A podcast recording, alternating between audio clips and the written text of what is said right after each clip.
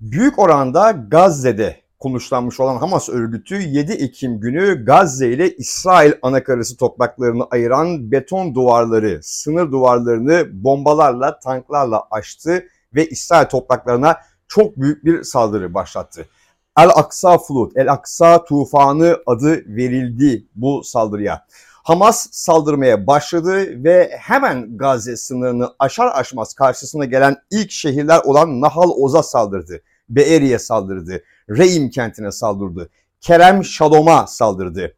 Reim kentinde yaşananlar ise İsrail-Filistin meselesinin çok uzun tarihindeki sayıları çok fazla olan çok kara lekelerden, çok kara sayfalardan biri olarak tarihe geçti. Belki Sabra ve Şatilla katliamları kadar büyük bir katliam olarak tarihe geçti. Reim kentinde bir rock müzik festivali düzenleniyordu. Bilerek ve isteyerek seçti Hamas örgütü Reim'deki festival alanını.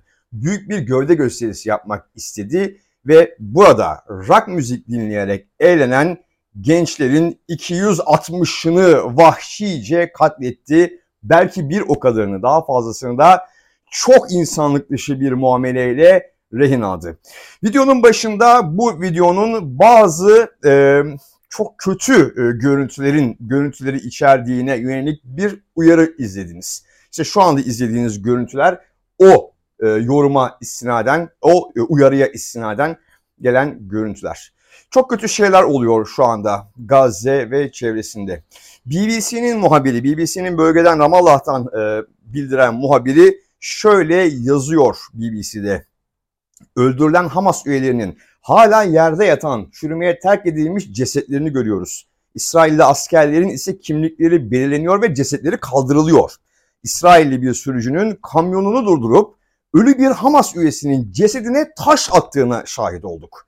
Sınırın her iki tarafında da çok büyük bir öfke var diyor BBC muhabiri Jonathan Bale Ramallah'tan geçtiği haberinde.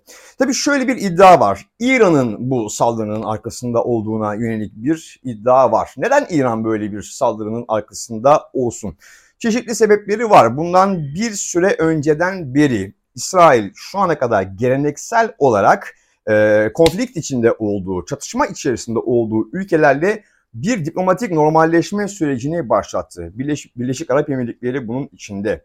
Ee, Kuzey Avrupa, e, Kuzey Afrika'daki bazı ülkeler bunun içerisinde ve hatta ve hatta Suudi Arabistan bu normalleşme sürecinin kapsamında İsrail ile arasını e, bir nevi düzeltiyor demeyelim de ilişkilerini mesafeli bir normalliğe oturtuyor. Bu tabii şunun habercisi olarak algılanıyordu pek çok diplomatik çevrelerde.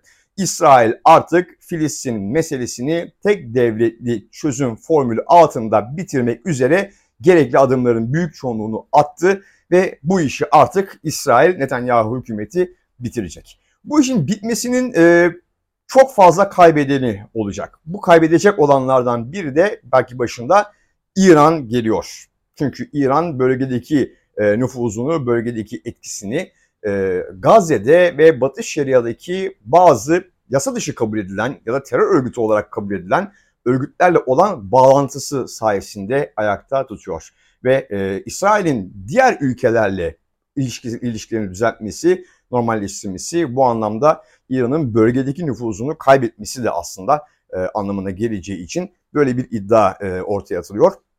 Ve e, üstüne üstlük e, bu saldırıdan 7 Ekim günü gerçekleşen e, taarruzdan önce de e, İran'la ilgili bazı yaşananlar da saldırının arkasında e, İran'ın olduğu tezini destekler nitelikte.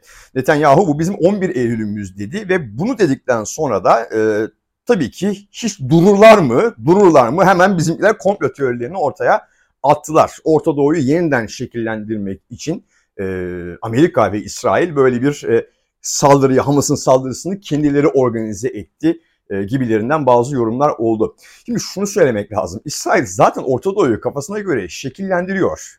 Birçok ülkeyle arasını normalleştirme yönünde önemli adımlar attı Suudi Arabistan'la bile. Zaten İsrail e, Orta Doğu'yu kafasına göre şekillendirmek için Amerika ile beraber oturup Hamas'ın kendisine saldırtmaya ihtiyacı yok. Dolayısıyla hani bu bizim ve e, dünyada da bazı çevrelerin ortaya attığı e, komplo teorilerinin bu noktada e, yine bir anlam taşımadığı düşüncesindeyim ben. Aslında şunu söylemek istiyorum. İsrail ve Hamas arasındaki bu olan biteni yorumlarken. Filistin Avrupa'da Yunanistan'ın durduğu noktada bir nevi duruyor. Yunanistan'a ne diyoruz? Ne diyorlar? Avrupa'nın şımarık çocuğu değil mi?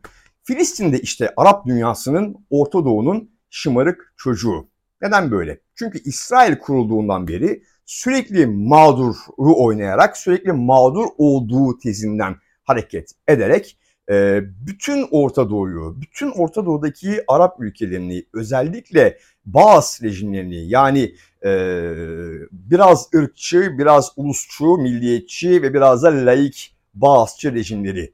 Mesela Saddam Hüseyin rejimini, bunun en tipik örneği olarak Saddam Hüseyin rejimini finansal olarak, kültürel olarak ve siyasi olarak sürekli kullandığı, sürekli istismar etti. Artık Arap dünyası da bu istismardan bıkmış durumda. Saddam Hüseyin'in iktidarda olduğu süre boyunca Filistin Kurtuluş Örgütü başta olmak üzere e, İsrail ve çevresindeki yani Batı Şeria'daki ve daha güneyde e, Mısır sınırındaki Gazze'deki örgütlere kaç milyar dolar para aktardığı konusunda gerçekten hiç kimsenin bir fikri yok. Hatta en son 2000-2002 yıllarında e, ortaya çıkartılan bir gerçeğe göre de e, Saddam Hüseyin Filistinli intihar bombacılarının ailelerine 25 bin dolarlık birer çek gönderiyordu. Bu e, hem İsrail Gizli Servisi tarafından ortaya çıkartıldı belgeleriyle ve Amerika Birleşik Devletleri'nde de ortaya çıkan bazı bilgi ve belgeler bunu doğruladı. Yani bir devlet düşünün, bir başka devletin toprakları içerisinde intihar saldırısı düzenleyen militanların kendisini öldürerek terör saldırısı düzenleyen militanların ailelerine 25 bin dolar vererek e, destek oluyor, onları teşvik ediyor. İşte böyle bir durum vardı. Yıllardır e, hem Suudi Arabistan'dan hem Türkiye'den hem başka e, Arap ülkelerinden ya da Orta Doğu ülkelerinden çok ciddi e, yardımlar yapıldı Filistin'e, Filistin Kurtuluş Örgütü'ne. E, ve 2001 yılında Anadolu Ajansı'nın geçtiği bir Habere göre de şöyle deniyor bu haberde. Filistin Maliye Bakanlığı'nın yayınladığı 2020 bütçe verilerine göre e, geçen yıl Arap ülkelerinden Filistin bütçesinde yapılan yardımlar 40 milyon dolar seviyesinde kaldı. 40 milyon dolar seviyesinde kaldı. Düşünebiliyor musunuz? Şöyle devam ediyor. Buna göre Filistin'e 2019'da 265 milyon dolarla destek olan Arap ülkelerinin yardımları 2020'de %84.9 oranında azalmış oldu. Yüz milyonlarca dolar, yüz milyonlarca dolar her yıl akıtılıyor Filistin'e Arap ülkeleri tarafından. Ve kümülatif baktığınızda bir hasta en büyük desteği veren Saddam Hüseyin dönemini de kattığınızda e, geçtiğimiz 30, 40, 50 sene içerisinde Arap ülkelerinin Filistin'e aktardığı para milyarlarca belki de yüzlerce milyar dolar. Peki ortada ne var? Ortada hiçbir şey yok. Hiçbir şey yok. 40 yıldır, 50 yıldır belki Filistin'de yaşayan insanların yaşam koşulları, huzurları, güvenleri, devlet olma istekleri, arzuları konusunda bir dirhem bile ilerleme kat edebilmiş değil Filistin Kurtuluş Örgütü de bölgedeki diğer örgütlerde. Ve artık Arap ülkeleri, Orta Doğu ülkeleri yeter dediler. Yeter artık size bu paraları aktarmayacağız, akıtmayacağız, e, bıktık. Ve İsrail'le masaya oturdular, İsrail'le ilişkilerini normalleştirme yönünde adımlar attılar. Şimdi bu normalleşme sürecinin kaybedenleri, kaybedecek olanları bu süreci baltalamak, ortadan kaldırmak için saldırıya geçtiler. Bunların başında da Hamas ve onun destekçisi olan İran geliyor. Karşımızdaki manzara bu. Hoşçakalın.